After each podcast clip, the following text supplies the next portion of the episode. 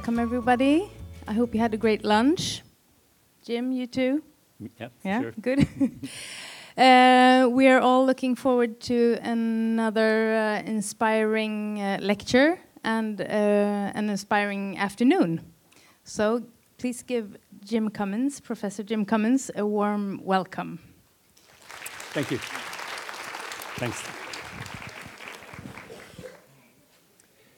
Okay, let me just e- express my appreciation for the opportunity to be here. Um, the, I've, this is, I think, my third visit to Malmö in uh, the last year and a half or so. And uh, in talking with educators uh, in the school system and uh, uh, people who are organizing the education system, it seems like there's a lot of really good things going on, a lot of intense discussions, a lot of innovations. And um, I've certainly learned a lot from the previous times that I've been here. What I want to, um, uh, before we start, uh, we'll take a, just to give you some organizational issues. We'll take a coffee break uh, roughly halfway through, or between 1:45 and 2. And um, uh, the, the PowerPoint that I'm going to draw from will be available to you as, as soon as possible after the conference. I'll be sending the PDF to the organizers, so as soon as they can uh, get it up on whatever website uh, is being used, uh, it should be available. So there's no need to take copious notes uh, of things I'm going to say. It'll be there for you. I won't. There's there's more in the PowerPoint than I'm going to have time to to talk about uh, in the session this afternoon. So some parts of it I'll go through fairly quickly. Um, and the, the issue, I'll give you initially an overview of what I want to uh, get into, and then give you a little bit more background about myself and, and where I'm coming from. Um, but the overall issue that I've been concerned with over many years, uh, and the, the focus of, um, of what I want to talk about is uh, the issue of how can we improve the education of multilingual learners. Uh, by multilingual learners, uh, I'm talking specifically about students who are of immigrant background. Uh, the Organization for Economic Cooperation and Development distinguishes between first generation and second generation students. First generation students being students who were born outside of the host country, second generation students born uh, inside. And we know from a lot of data, including the data that the OECD has been producing over the last 20 years, that in many countries, not all, but in many countries, students of immigrant background experience a lot of difficulty in the school system. And uh, their graduation rates are lower, uh, the, the achievement on exams or tests tends to be lower. And so the issue for a lot of countries is why is that? Like, what are the causal factors underlying students' underachievement, and what can we do about it? And so that's, those are the issues that I want to try and get into um, this afternoon. So I'll have three basic segments or um, parts of the presentation. Uh, in the first part, I'll give you some examples of um, what I would see as inspirational practice. Uh, and by that I mean uh, practice that is um, uh, uh, obviously inspiring, but practice that is different from mainstream, just transmitting the curriculum. Um, practice that kind of illustrates just how we can engage students really actively in instruction, and in particular in relation to, to multilingual students, practice that will uh, engage them and tap into what they're bringing into the classroom in powerful ways. And one, one theme that I'll try to emphasize as we talk about this is that like, teachers are not out there just transmitting a curriculum that policymakers at the munis- municipal or state level have generated or the researchers have said is the right way to go. Teachers are actively generating knowledge like, through their practice uh, in situations of diversity, in complex uh, instructional situations where there are no formulaic rules of the game. There are no formulas that, that manuals that we can go to, pick off a shelf and tell us what to do in all of these situations. We've got to be inventive, we've got to be imaginative. And what we see is that when teachers talk to, the, to each other within schools about what's possible, look at what's happened elsewhere, and ask to what extent might that work for us? How can we um, think about our own situations and come up with, with ideas and uh, pedagogical directions that might work for the students that we're uh, teaching. Um, the result is that teachers are generating knowledge, teachers are driving research and theory rather than just being the recipients of that. So it's a two way dialogue. And I think you'll see that in some of the examples that I, I talk about. The second part uh, will try to look at okay, what's coming out of those examples uh, of inspirational practice? What are the underlying um, themes that are there? What are, what's the deep structure of that? And how can we link that up with research that's been carried out in a variety of contexts, including obviously the Swedish context? Um, so, how does the practice connect up with the research and theory? And then finally, I'll try to look at um, the broader picture and look at what do we know about the students who are underachieving. Like I've talked about students of immigrant background that uh, often experience um, uh, difficulties in school. And clearly, one of the factors operating there is the fact that they're learning through a language which initially they don't understand. And obviously, it's more challenging to um, learn content and uh, learn the language of schooling and the content at the same time. But we know that a lot of students can do that. But with a lot of students from immigrant backgrounds, it's not just a challenge in terms of learning the language, the, uh, the school language. There's, there are also issues related to social disadvantage. Uh, the socioeconomic status uh, is, has emerged in lots of research as a factor predicting school achievement. And many of the students that uh, we're teaching are not only learning the language of instruction, but they're also coming from socially disadvantaged backgrounds where their parents don't have a lot of money, their parents may not be highly educated in their own languages, um, and there are a lot of issues connected to uh, socioeconomic status that drive achievement.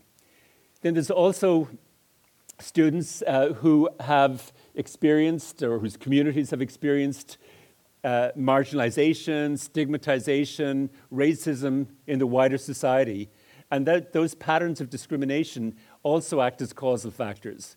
And so the students that experience most difficulty are ones who fall into all three of those categories.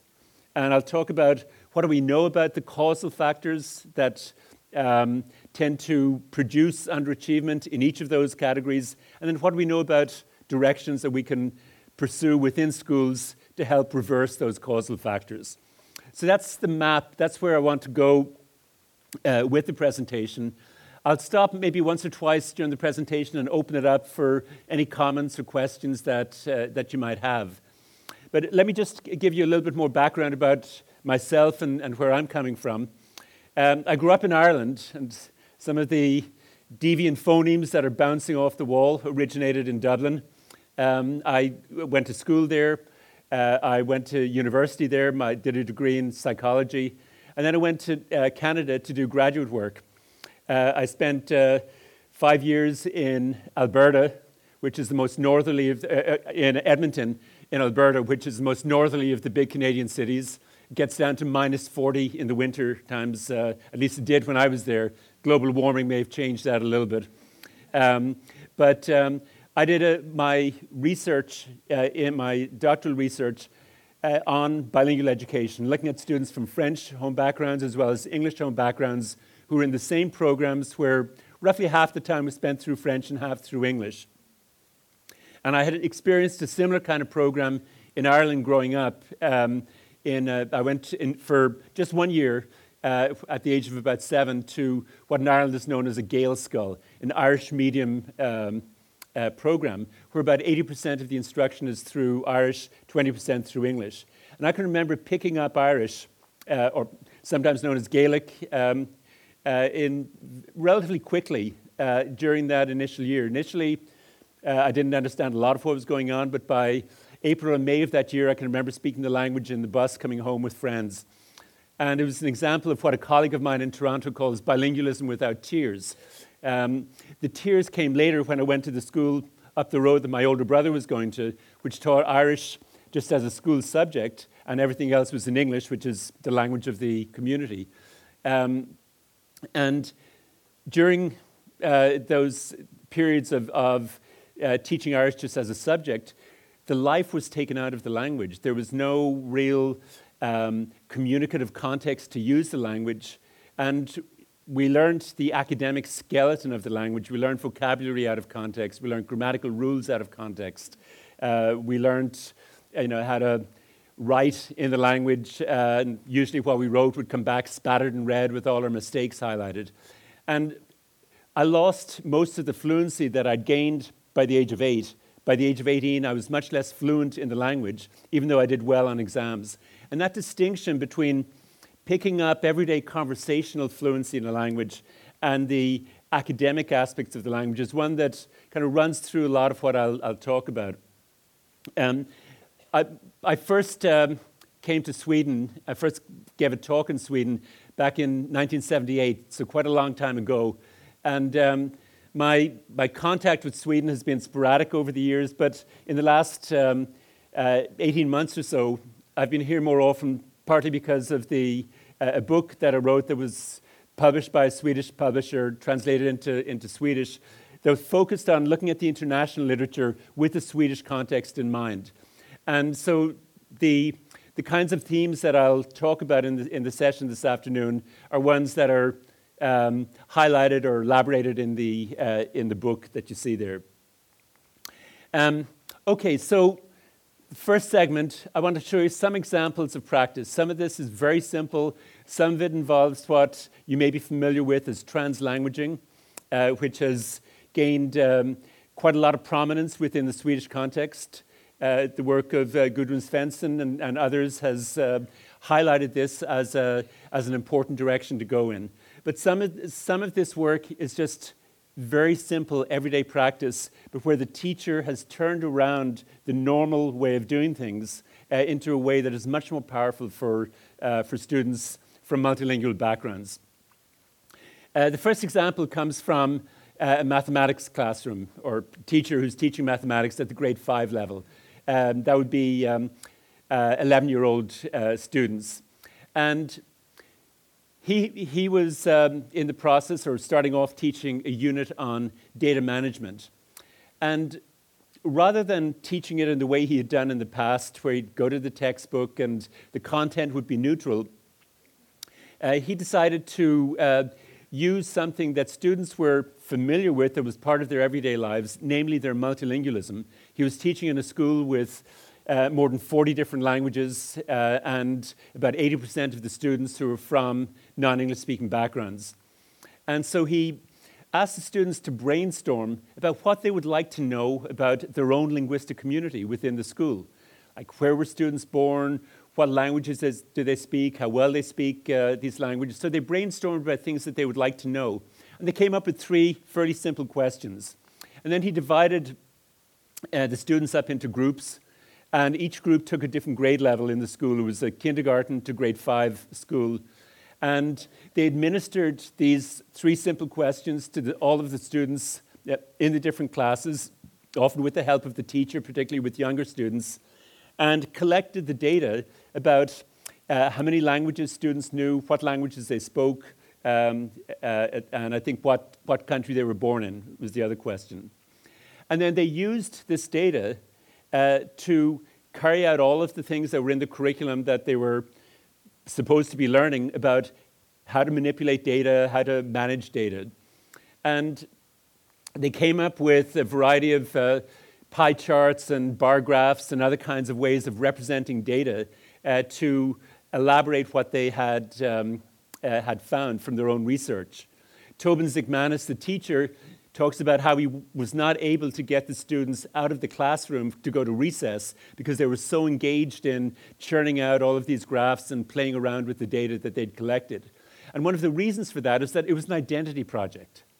Uh, they were using math uh, and the tools that they had learned um, and spreadsheet programs that uh, they had um, uh, become familiar with to find out more about who they were as a school community uh, about how many languages were spoken in the school, about uh, which languages, um, what the spread was in terms of how many languages different um, uh, grade levels and classrooms um, uh, spoke. And they were, they were learning math, mathematics obviously, but they were also finding out that Uh, their knowledge of other languages was something that was valued. Uh, it was something that their teacher valued, obviously. Uh, it was something that uh, set them apart from many other students in, in, the sense that they were multilingual, some of them speaking four or even five languages. And they were able to represent this mathematically. And so when we look at, at the kinds of underlying factors that are involved here, obviously, instruction was connecting um, or, uh, to students' lives. Uh, it was representing and valorizing, affirming uh, the legitimacy and, and the value of the fact that they spoke multiple languages. Clearly, their identities as multilinguals was being affirmed, and the content was being taught probably much more effectively than if the um, uh, content of the, of the math lessons was, uh, was just neutral content. So that's one example, very simple, didn't take much, just um, no new materials required. It was just a case of turning the coin around and looking at the other side and thinking there's a different way of doing this. Um, another example, and this would form under the broad heading of translanguaging. Uh, this was carried out long before that term was, um, uh, was a familiar one. But this was um, um, in a school, again, a highly multilingual school. The classroom was a grade six classroom. And the teacher was an English as a second language uh, teacher, uh, a person called Lisa Leoni. And um, she had experimented with trying to encourage students to use their first language uh, as a way of um, supporting their learning of English uh, in the classroom. And so when she, was t- when she would teach writing to newcomer students or students in the early stages of learning English, she would often encourage them to write uh, in their first language, and then she would find a way to go from that first language to English. In this case, the student had come from Israel, and uh, he'd grown up in sort of an agricultural context in Israel. His father was involved in farming and raising horses, and so he was uh, passionate about horses. And so he wrote a story about something that he knew about. Um, the title Tom Goes to Kentucky is referencing a famous American horse race, the Kentucky Derby. Um, and it's written in two languages. He wrote it initially in Hebrew, uh, the language that he had been schooled in, that he was familiar with. Uh, he was just in the very early stages of learning English. And there was a teacher in the school who knew enough Hebrew to help him translate it uh, into English. And if you had given Tomer um, the, his English story before he had written it, if you had given him that text and said, see if you can read this, he would not have been able to read it. But after he had written it, he could then read it because he had worked with the teacher to go from what he had written, his work, into English. And they talked about how, uh, what words were equivalent and how you say things in English that he had expressed in Hebrew. And his um, observations about this, uh, I think, are very insightful. Like he says, I think using your first language is so helpful because when you don't understand something after you've just come here, it's like beginning as a baby. And that's not a very comfortable feeling for a 12 year old uh, uh, student. He says, You don't know English and you need to learn it all from the beginning. But if you already have it in another language, then it's easier. You can translate it and you can do, and you can do it in your language too, and then it's easier to understand the second language. So, what he's saying is that if we can divide out the, the language from the conceptual knowledge and the task, uh, if you can do the task in your first language, then that takes the difficulty out of it. Uh, and then you can work on getting, what you, getting your ideas from the first language into the second language. And obviously, that's where teachers come in, uh, that's where technology might help come in uh, increasingly as we look at how things are going with things like Google Translate. Um, but what he's saying here is that there's transfer. We can go from one language to another, and the languages help each other. He goes on to say the first time I couldn't understand what his teacher, Lisa, was saying, except the word Hebrew. But I think it's very smart that you said for us to do it in our language, because we can't just sit in our hands doing nothing.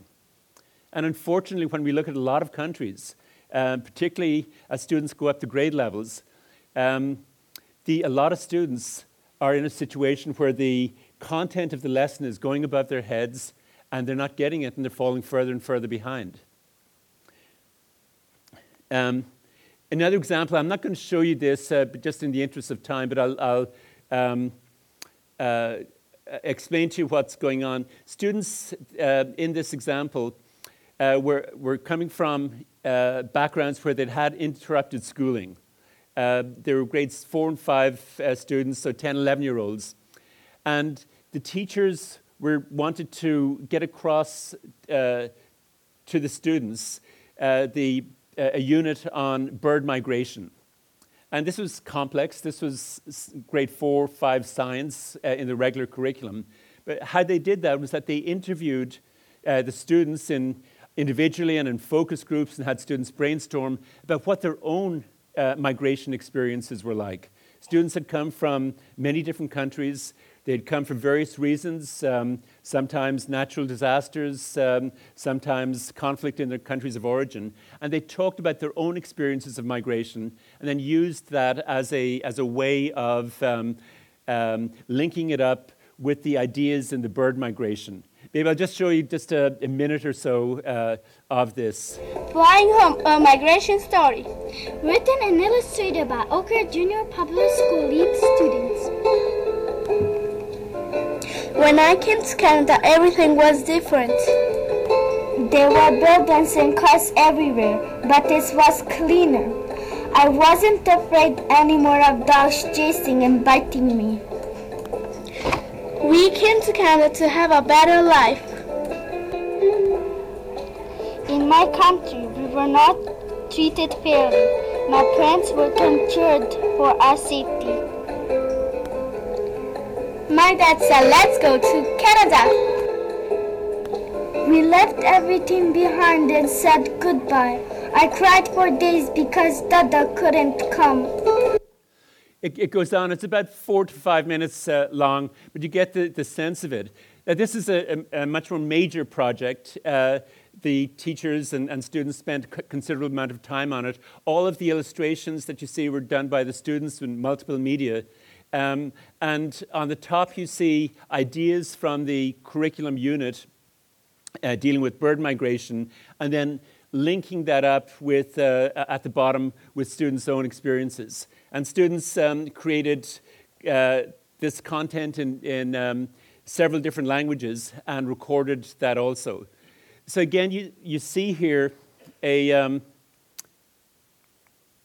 uh, a situation where uh, teachers were trying to connect up curriculum content with students' lives, uh, get them talking about how you express these ideas uh, in English, uh, and also enabling them to produce something that uh, could be communicated to others, to their parents, to teachers, to other students, put up on the web, and communicated to a much broader audience. And so, what you have here is a process of uh, students intellectual and academic work affirming their identities, t- showing them uh, that they're capable individually and collectively of doing powerful intellectual work that other people are interested in, that they get a lot of positive feedback from.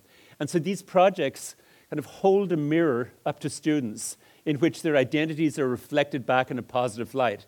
And that fuels further engagement.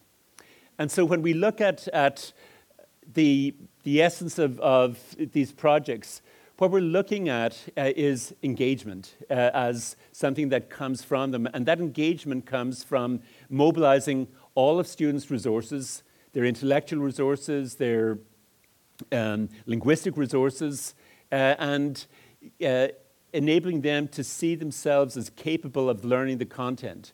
And as we know that if, if we develop that confidence, what some people have called identities of confidence, uh, then we tend to be much more engaged in, in pursuing whatever it is we're pursuing. And obviously, for students coming in from uh, immigrant backgrounds, uh, many of whom have had traumatic experiences, um, the, it's difficult to feel confident in a new country where you don't know the language, you don't know the culture, etc. And so the school, as you know better than I, has a major role to play in creating an environment where students will feel that they have the intellectual and uh, emotional and academic capacity to, to pursue learning in powerful ways. Uh, oops, sorry. Um, so these are some of the things that are happening in, instructionally here. I'm not going to go into detail, but Um, uh, curriculum was connected to students' lives. Students were supported in gaining access to the curriculum. Uh, the, there was a lot of academic language, English language taught as the students were carrying out this project, um, etc. So we'll come back to these uh, ideas uh, later, but in all of the examples, there's a set of themes that are operating uh, in them. Uh, the last one I'll, I'll, show you is this uh, dual language showcase. And you can check this out by just putting dual language showcase into a Google search or Bing search or whatever you use, and uh, it'll come up with this uh, right away. This was started by uh, a teacher, a grade one, grade two teacher, so the early grades of primary school um, it, it, was in a school, again, with about 80% of the students coming from non English speaking backgrounds. And the teacher wanted to kind of communicate to students that their first languages were, were important. She also wanted to get students engaged in writing, not just reading, but also writing. And so she came up with the idea, inspired by some of the commercial dual language books that are out there, uh, of having students write their own dual language books. And in, in most cases, students uh, wrote books initially, wrote stories initially in English. They often worked with their parents uh, on, on these stories.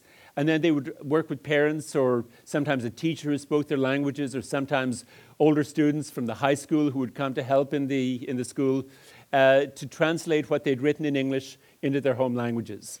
Uh, sometimes, particularly with newcomer students, they would start off in their home language and go from that language to, um, uh, to English.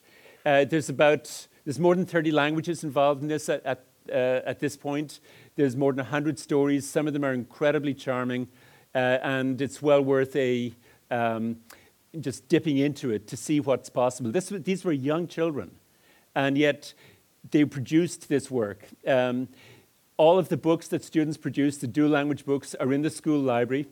Um, so when students go to the library, they see the book that they have written and their friends have written right there with the commercial authors that they read and, and, uh, um, and that are uh, published in a, in a formal way. This, all of this is up on the, on the web, so it reaches a wider audience. And so what you're talking about is not just literacy engagement, but identity affirmation in powerful ways. Um, uh, uh, connected to um, literacy engagement. And what we see in Canada, and I suspect it's probably similar in many parts of Sweden, is that particularly for second generation students, students born in the, um, in the host country, um, the first language is incredibly fragile. Students may come to school speaking their first language and also knowing some English, or they may have equal skills in both languages as a result of going to a, a preschool uh, uh, program uh, in, in English and watching English television. But they very quickly, in the what we call junior kindergarten at age four and senior kindergarten, they very quickly pick up that English is the status language, English is the language that the teacher speaks, and within a year or two, they're often refusing to speak their home language in the home. They're answering in English. They've switched to English and talking with their siblings and friends. And so the first language fades and doesn't develop, uh, even though it's taught. There's a program called the International Languages Program uh, that's similar to the Swedish um, home language instruction that's taught for about two and a half hours a week um, uh, for any students who want it. But the first language is incredibly fragile. And a project like this communicates both to the students themselves and to their parents. Um, it communicates what the research is actually saying that knowledge of additional languages uh, are powerful intellectual resources. Um, they're powerful academic resources. They're powerful personal resources in terms of opening up um, multiple options uh, for students in, as they uh, go through life. And so it's creating, if you like, a counter message, a counter discourse to what students are picking up in the, in the wider society and in many schools, namely that only English matters and their first language is something that makes them different and they, they shouldn't be proud of it. Uh, this is saying to students, look what you've produced knowing both languages. Again, as I said, it's holding up a mirror in which students' identities are reflected back in a positive light and that fuels further engagement with school. Uh, this was also powerful in getting parents to get engaged with the school because parents had something uh, where they, uh, to do where their talents were essential for this. Uh, some parents had typewriters. This was uh, done in about 2001, 2002, so it was early days of uh, computers, or certainly multilingual fonts on computers, but some parents had typewriters in Arabic and other languages, and some had computer fonts in those languages. Uh, and so parents often uh, got involved in helping to produce these books. Um, and again, a very different kind of parental involvement than we sometimes think of as parental involvement, where we tell parents what they should be doing with their students. In this case, the parents were real partners. Um, okay, finally, I mentioned that there's a lot of research out there pointing to the fact that bilingualism and multilingualism, by extension, is associated with all kinds of linguistic, academic, and intellectual benefits. This is a, page from the BBC, uh, British Broadcasting Corporation website. And there's a little video in here, which I'm not going to show you, again, in the interest of time, but it's about three minutes. Um, the URL, the website is down at the bottom there. When you get the PDF of the, um, uh, of the PowerPoint, you can copy it. But it gives a, a, a really nice little uh, explanation of how, how bilingualism benefits the brain. Uh, what the research is saying is that children who uh, develop two languages, develop literacy in, in their two languages, gain greater awareness of how language works. They become better able to learn additional languages. Uh, there's a greater um, capacity to focus and kind of screen out uh, distractions in, tasks. And there's even um, quite a bit of data from several countries, Canada, India, some other countries, suggesting that people who, are, who have used multiple languages throughout their lives um, are much less prone to develop dementia than those who are monolingual. Um, a colleague of mine in, or colleagues of mine in Toronto were the first to report this, uh, and then there was a study, a large-scale study carried out in India uh, that followed this up, and then a couple of other studies. But there's a roughly a, a four to five year difference uh, in the onset of early symptoms of dementia between multilinguals and monolinguals. So, what this suggests is that our brains are kind of like muscles. The more we use them, uh, the more they, uh, they develop and the stronger they become. And again, this is the kind of information that we should be telling our students. Because, as I said, often their first languages are fragile, they don't feel good about it, they know that in many countries uh, they're not a very welcome group uh, among some sectors of the society. In the United States, for example, there's all kinds of anti immigrant rhetoric uh, in many parts of Europe. We have the same thing happening. And so, affirming the fact that their knowledge of their family's languages uh, is something worthwhile uh, that makes them a broader person is, is a message they need to hear. Okay, just uh, as I said, I'll, I'll, stop at various stages, and if anything does come to mind and you want to raise it uh, or ask a question, please feel free to do that. Okay, so you've seen some practice, and if we were in a different context, um, a smaller group, um, I would love to hear more about things that are happening in your schools and, and things that you know about, because uh, in the Swedish context, there have been a number of really inspirational projects written up about um, this kind of work. And the, the, the theme that runs through a lot of this is that as I said before, the teachers are the one who are, ones who are generating knowledge. It's teachers' um, imaginations, teachers' uh, collective brainstorming about directions that they can move in, in their school that generate some of these practices. It's not researchers telling them this is what you ought to do. And so, what we have, I think, is a, is a real dialogue between the practice that teachers are implementing in classrooms, some of which is inspired by research, but a lot of which comes from the teachers themselves as the inspiration for these uh, uh, practices. And uh, then there's research out there that taps into this. And I think if we create that dialogue and, and put the two together, we're in a better position to understand the, uh, how we might move forward uh, in relation to these issues in our schools.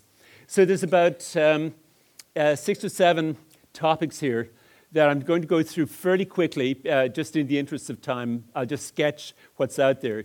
But this is some of the, I guess, the core research, the core knowledge base that we, we have from the international research uh, on these issues. And some of it has direct relationship to policy and to, to our understanding of what, what's possible at the school level. So um, I'll go straight into the, the first one. What do we mean by Swedish? What do we mean by English? When we're teaching Swedish, what is it exactly that we're trying to teach? Now, that may seem like a kind of a dumb question. Everybody knows what Swedish is. Um, but the reality is that when we look at practice in teaching second languages to immigrant background students, a lot of the problems for policymakers, a lot of uh, what's driven really problematic policy in certainly the United States and a number of European countries is failure to take account of the nature of proficiency in a language. And there's a distinction that we need to make between the kind of language that we use in everyday communicative situations, um, which I'll call conversational language or conversational fluency, and the kind of language that's required for students to learn and do well in school. The two are very different in multiple ways. And when we don't understand the nature of the difference and the different time periods required to catch up, we're going to implement policies that are not optimal in terms of helping students. So you can take a look at uh, these differences between conversational fluency and what I'll call academic language proficiency. Conversational fluency is the kind of language that virtually all children who are developing uh, normally uh, will acquire by the time they come to formal schooling at age four, five, or six. They can, a typical child can talk about anything that he or she wants to talk about. Uh, they can understand what any reasonable person is likely to, to say to them. They're fully conversationally competent in the language. They've acquired what the linguist Noam Chomsky called competence in the language. Um, but that's very different from the kind of la- linguistic challenges they're going to face in school. And the reason, or one of the major reasons why we send children to school for an additional 12 years, even though they've acquired fluency in their home languages, is we want to expand that fluency into a variety of different and more complex uh, areas so that they can do more with the language. And when we look at um, what we mean by academic language, basically academic language is the kind of the sum total of the language that's used in school between teachers and students and the language of textbooks um, and the language of examinations and tests. Uh, and so we, when we look at uh, the nature of this language, if you think about a typical textbook that a 15 year old uh, might use in uh, or be exposed to in science, or the kinds of novels or literature that they're expected to read, as compared to what a 10 year old is expected to, to read, Obviously, there's a huge difference in terms of complexity, in terms of the kind of vocabulary that is, uh, children are exposed to, the sorts of grammatical uh, constructions uh, that are there. One of the, in, certainly in English, a couple of the major characteristics of academic language is um, much greater use of the passive voice um, uh, than uh, in, um, in everyday conversation, where we use the active voice, like um, uh, the dog bit Tom, uh, his active voice. Tom was bitten by the dog, his passive voice. Uh, nominalization, where we create abstract nouns um, representing concepts uh, out of a, a, verb or an adjective. Uh, acceleration is an example, fluctuation uh, is another one. And we rarely use this kind of language in, in everyday conversation. The crucial point is down at the bottom there.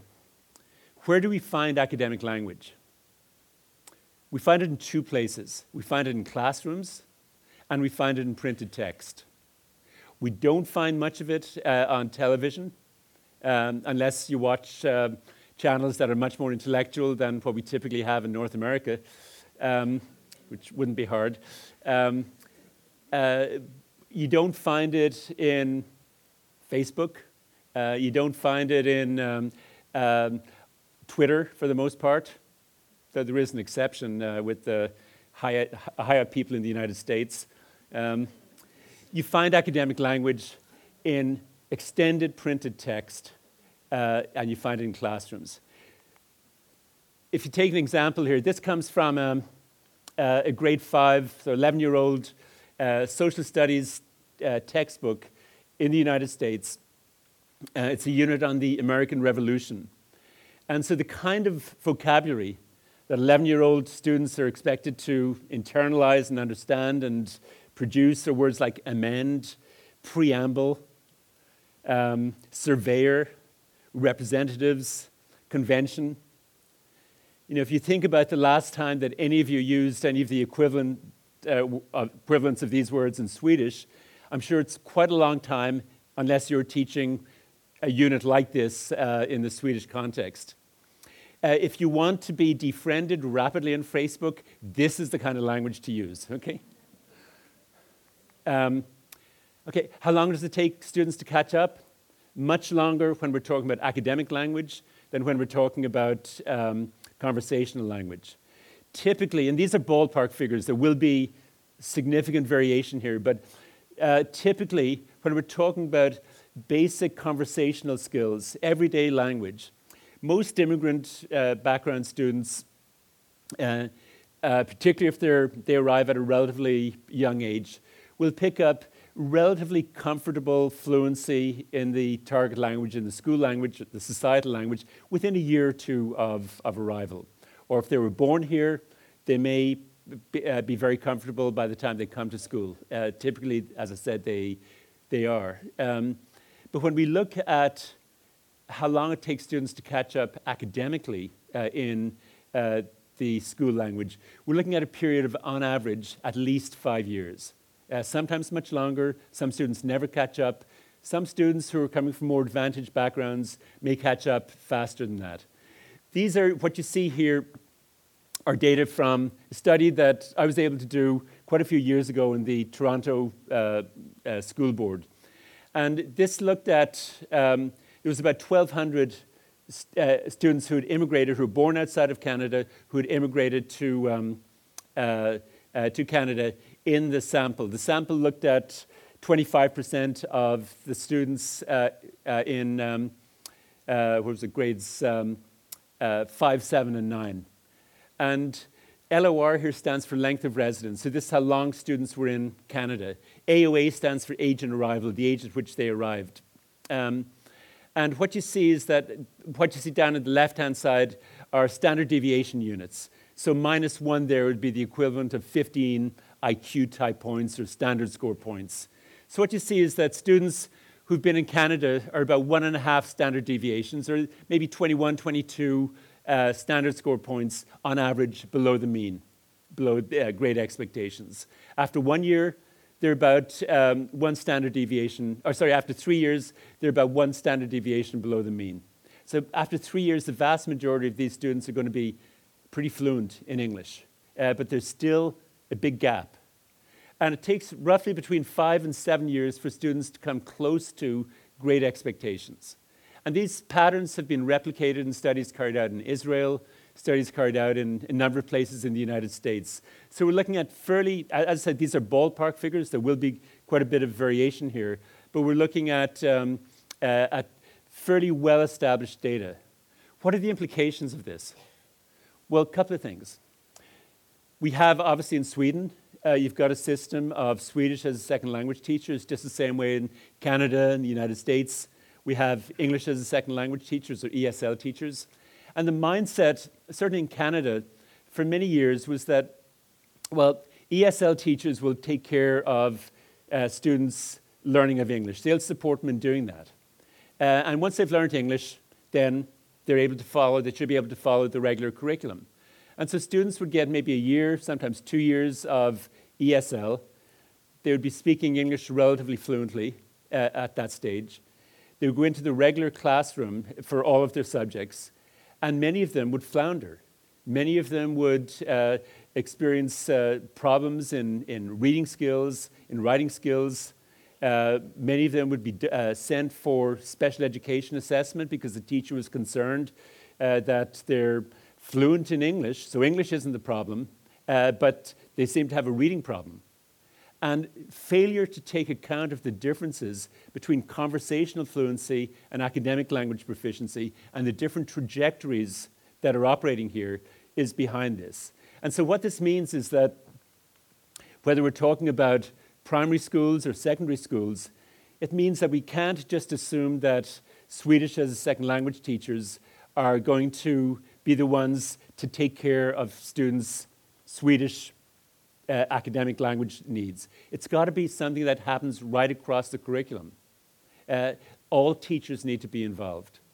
And it's taken a long time in the Canadian context for that message to, to get through. It's beginning to get through, but it's, it's something that people have been saying for 20 or 30 years. And it's only recently, in the last two or three years, that mandatory courses on supporting English learners um, have been introduced into teacher education programs. It also has implications for school leaders. If, um, if I'm a principal or head teacher in a, in a, school and I know nothing about the research relating to um, um, immigrant background students in terms of the kind of supports that they may need to uh, help them understand instruction and catch up academically, I'm not in a position to provide leadership in schools that have large numbers of, of, uh, of, students. I'm not in a position to guide teachers in terms of what professional development they might, uh, should be pursuing. I'm not in a position to evaluate how well a teacher is, is, um, uh, is supporting his or her students. So, at the leadership level in schools, knowledge of these patterns uh, is essential. And again, in the Canadian context, we still haven't gone in that uh, direction, certainly not sufficiently. There's no expectation, no requirement that school leaders should have any real knowledge about patterns of uh, English as a second language uh, development. Um, it's not a criterion for advancement to, um, uh, to uh, leadership positions. And so there's, even in, in, a context like Canada, where a lot of good things have happened, there's a lot of good infrastructure, but there's still some major blind spots. Um, so these data are not just sort of esoteric research data, they have direct implications for everything that's happening in schools. Uh, the other difference, um, or the other major implication of these patterns, is if we understand the nature of academic language, um, and we understand that we find it in two places. We find it in classrooms, and we find it in printed text.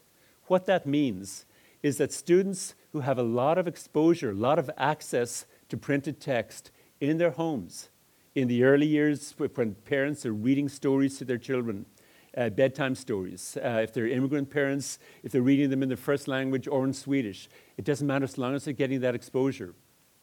They're coming to school with a huge advantage in terms of understanding the nature of academic language, their vocabulary knowledge, uh, etc.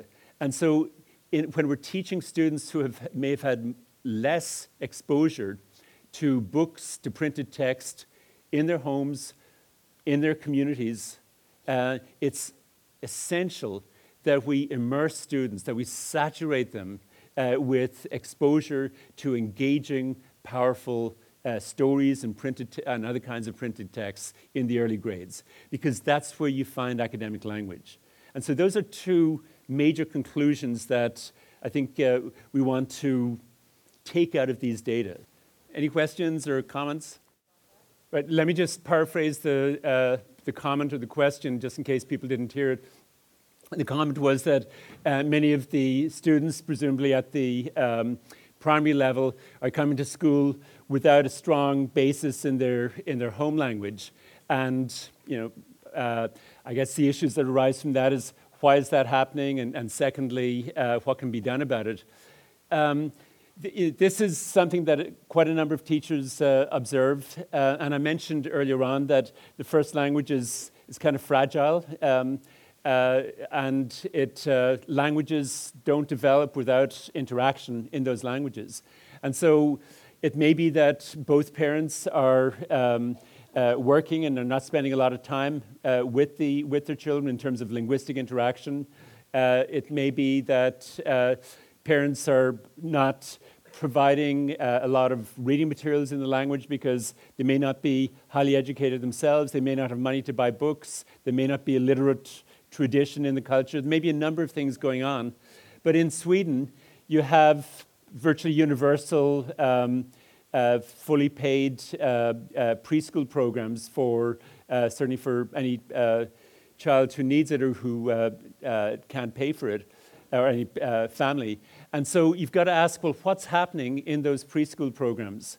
Uh, because students would be maybe go to the preschool program at age two, they spend three or four years there. Um, I think if students are coming to school without a strong basis in, in, in, Swedish, even after three or four years of, of, preschool experience in that language, I think we've got to ask what's happening. Um, uh, because there should be in any preschool program, there should be an incredibly rich focus on linguistic interaction, uh, activities involving language, a lot of reading to students, um, a lot of talking about books, uh, maybe uh, having students bring wordless picture books home to read or talk about with their parents. All of these literacy rich and, and language rich activities should be going on. Ideally, preschool should also be reinforcing and, and, and uh, uh, affirming students' knowledge of other languages with, uh, for example, uh, signs in other languages up on the walls to, um, uh, to affirm the fact that multilingualism is a good thing. Parents ideally should be involved in helping out in that, or preschool should be reaching out to parents to see to what extent they can um, provide that input.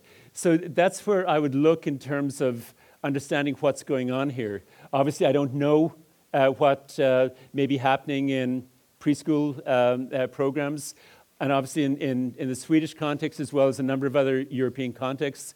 You've got, um, as a result of the history of um, immigration to Sweden over the last 40 or 50 years, you have quite a bit of segregation uh, in some communities um, uh, where you've got um, uh, immigrant, uh, a lot of schools that are largely immigrant based and not as much contact with native speakers of Swedish as you might have in, in some other contexts. That's going to limit the um, extent to which uh, students will pick up Swedish in the early stages. But at the preschool level, um, you've got to ask what's happening there. If the, if the philosophy, the well intentioned philosophy of the preschool is, um, well, we just want children to play and have a good time and uh, we don't want to put any pressure on them, okay, that's fine. But um, when we look at um, uh, play, play should also involve play with language. Uh, we should be focusing on extending children's knowledge of language, their interest in language, uh, their awareness of how language works, their interest in books. Preschool should be saturated with books. Um, and preschool teachers should be reading to students on a, uh, to children on a regular basis, drama, helping them dramatize what they, uh, they're hearing in stories, building up that affective, that emotional connection between the students themselves and, uh, and printed text. And if that's not happening, then I think you'll find what you're experiencing students coming to school without a really good grasp of Swedish and, and maybe without much um, uh, real strength in their in their home language uh, also. So, and obviously, we may not have the opportunity to change the preschool uh, programs uh, very much because that's outside of our jurisdiction. But at the primary level, if students are coming to school with, without strong language or pre literacy skills uh, in Swedish or the first language, then um, the only logical thing to do is to focus uh, intensively on, not in a didactic way, but focus inten- uh, intensively on um, exposing children to lots of language, exposing them to play with language, exposing them to stories, um, exposing them to books, uh, making sure that parents know that public libraries are free and there's all kinds of resources there. Um, because if students are not getting rich linguistic interaction, they're not going to develop strong language skills. And, but um, you know, those are issues that I think at the school level we've got to brainstorm to see what's possible. And, and maybe at a municipal level, if we're talking about linking up what's happening the, at the preschool level with what's happening at the primary school level, then we need a, a focus beyond just the, the school system uh, and more kind of a, a, general educational focus, including both preschools and primary schools. Okay, let me, let me try and move on just in the interest of time here. Um, I've talked about uh, scaffolding a little bit. These are some of the things that are um, uh, involved in scaffolding. It's providing support, visual support, demonstrations, uh, collaborative group work, uh, etc. Uh, explaining things, um, explaining language, etc. These are kind of a, the Swedish as a second language or the English as a second language toolkit. But one of the points that I want to make is that it's not just a set of skills that specialized language teachers need to have. All teachers should have this in a context where there are a large number of students or a significant number of students uh, who are learning the language of instruction. Um, I mentioned also that uh, students will make much faster academic growth if we're conscious of reinforcing their knowledge of language right across the curriculum. So when we're teaching science, we're not just teaching the language of science. When we're teaching mathematics, we're also teaching the language of mathematics, not just in terms of specific technical vocabulary, uh, but also um, words like analyze or explain. And there's an example here that I'm not going to go into because of, uh, of time, but you can read it up later. But it just highlights in a very simple math, mathematics um, problem, just a one liner. There's all kinds of reinforcement of language that can happen in the math, uh, mathematics classroom. Uh, in terms of how first and second languages uh, link up, this is um, a diagram that tries to um, represent what's happening here that, you know, I mentioned before we have conversational fluency in a language and then academic language proficiency. Um, well, if we think about language proficiency as being an iceberg, where, as you know, what you see above the surface uh, of an iceberg uh, is just a small fraction of what's there uh, in terms of its total mass or, or bulk. Uh, we can think of bilingualism and, by extension, multilingualism as a double iceberg, where even though the surface features are, of each language are separate, um, uh, there's a common underlying proficiency, a common set of conceptual knowledge, skills, learning strategies that underlie that. So, a student who comes to Sweden who's um, familiar with the concept of photosynthesis in science or who knows what an amoeba is doesn't need to relearn all of that content again in Swedish. They have the content, they have the concept. What they need is the language to talk about uh, that uh, concept. And so, one of the reasons why in bilingual programs, students can spend um, half the time or even two thirds of the time through a second language, um, and their first language, the dominant language, their home language, will develop um, uh, strongly. Um, so they can spend time through a minority language, and the dominant language will also develop because you've got this transfer of knowledge happening across languages. Um, I'll just go to skip this.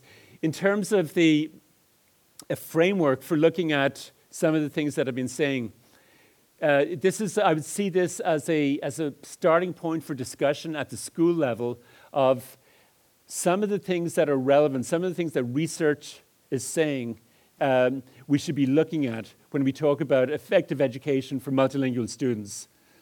Uh, I've mentioned a couple of times that one of the strongest predictors of how well students develop literacy skills, develop reading skills and writing skills, is the extent to which they get actively engaged with literacy. Literacy engagement is a key element.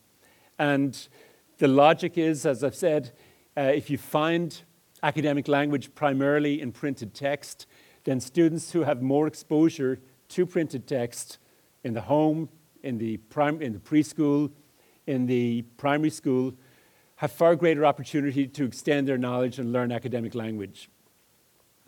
Uh, how do we get students engaged with academic language? We've got a scaffold meaning. We've got to provide support for students to gain access to the meaning. We need to connect instruction to students' lives and extend their intellectual and imaginative horizons. So we need to stimulate them to use their imaginations to uh, become curious about issues, to, to start reading by, uh, by themselves. And if we make the curriculum relevant to them, uh, they're much more likely to do that.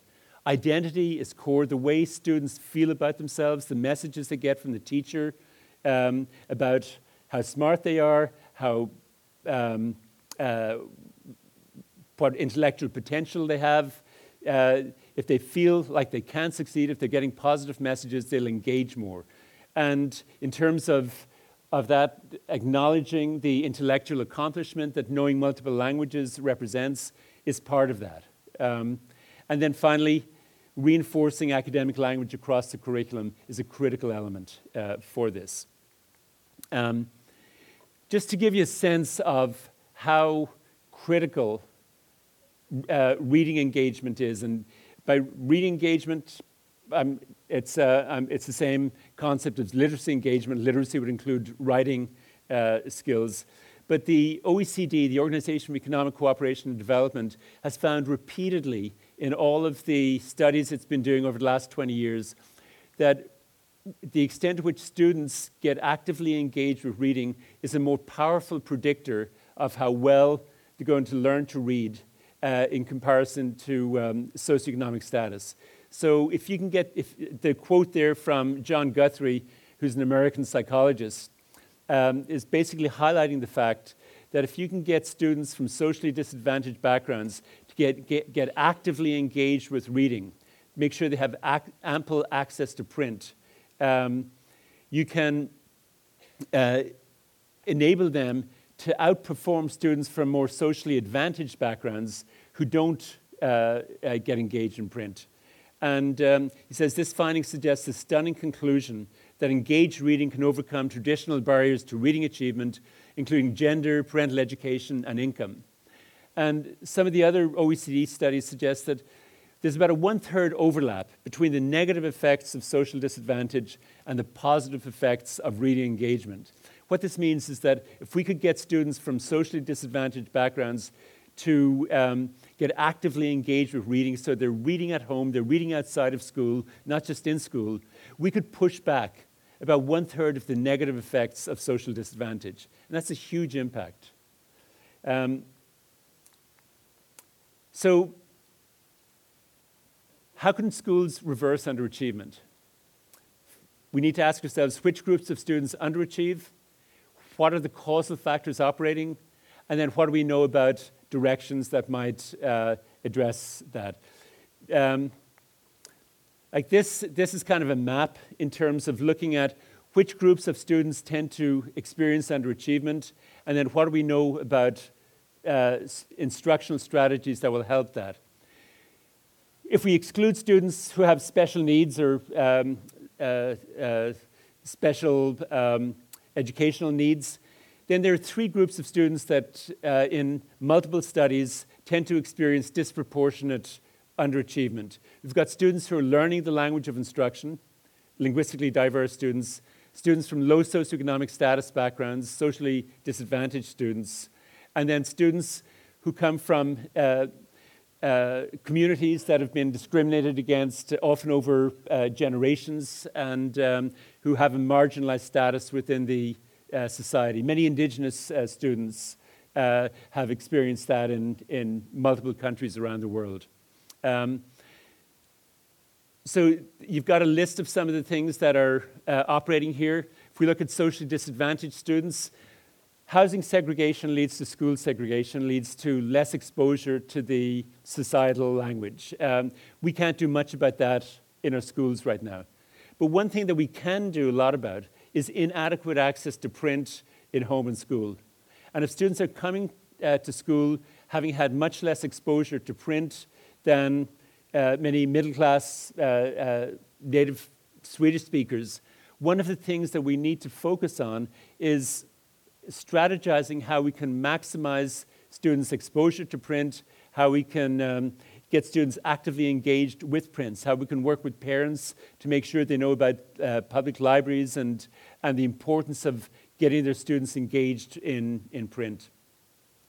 Um, I'd like to move on to just um, the whole identity issue and students from marginalized uh, backgrounds where identity devaluation, um, where low teacher expectations, stereotypes operating in the society, uh, have been communicated to students over multiple generations, and that has a devastating effect on the extent to which students will engage academically or not.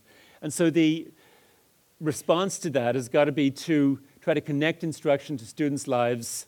Uh, if we're talking about indigenous communities um, or others, long term uh, uh, communities like the Roma, for example, we need to decolonize curriculum and instruction and affirm students' identities in association with literacy engagement. And I'd like to give you an example uh, of where that happens and, and what uh, one student's observations of that happening. Uh, because what you'll see in this example uh, is all of the things that uh, I've talked about in, uh, in this framework. You've got students carrying out a dual language writing project, working collaboratively, um, one of the students had just arrived in Canada. Her English was minimal. Uh, the way the teacher set up the project uh, played a powerful role in helping her to be fully engaged in the project. It scaffolded instruction. It connected to students' lives. They wrote a story about their own immigration experiences. Their identities were uh, affirmed.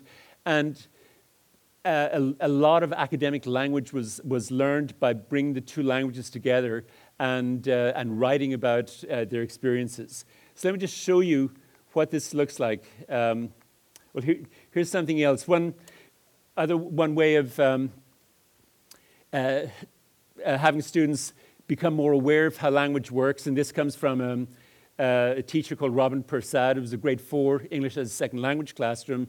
He had several uh, groups of stu- students from different language backgrounds in his class, and so one project he did was have the students uh, work together uh, in the same language groups to compare how their first language differed from English. And so they, uh, the students talked to their parents, they brainstormed amongst themselves, they did some research on the internet.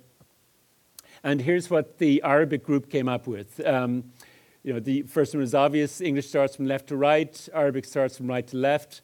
But they got into some very interesting things. For example, um, uh, number three there, they looked at the uh, issue of how do, how do we show respect for our parents when we talk to them. And Arabic, marks has linguistic ways of, of showing respect in, in ways that English doesn't.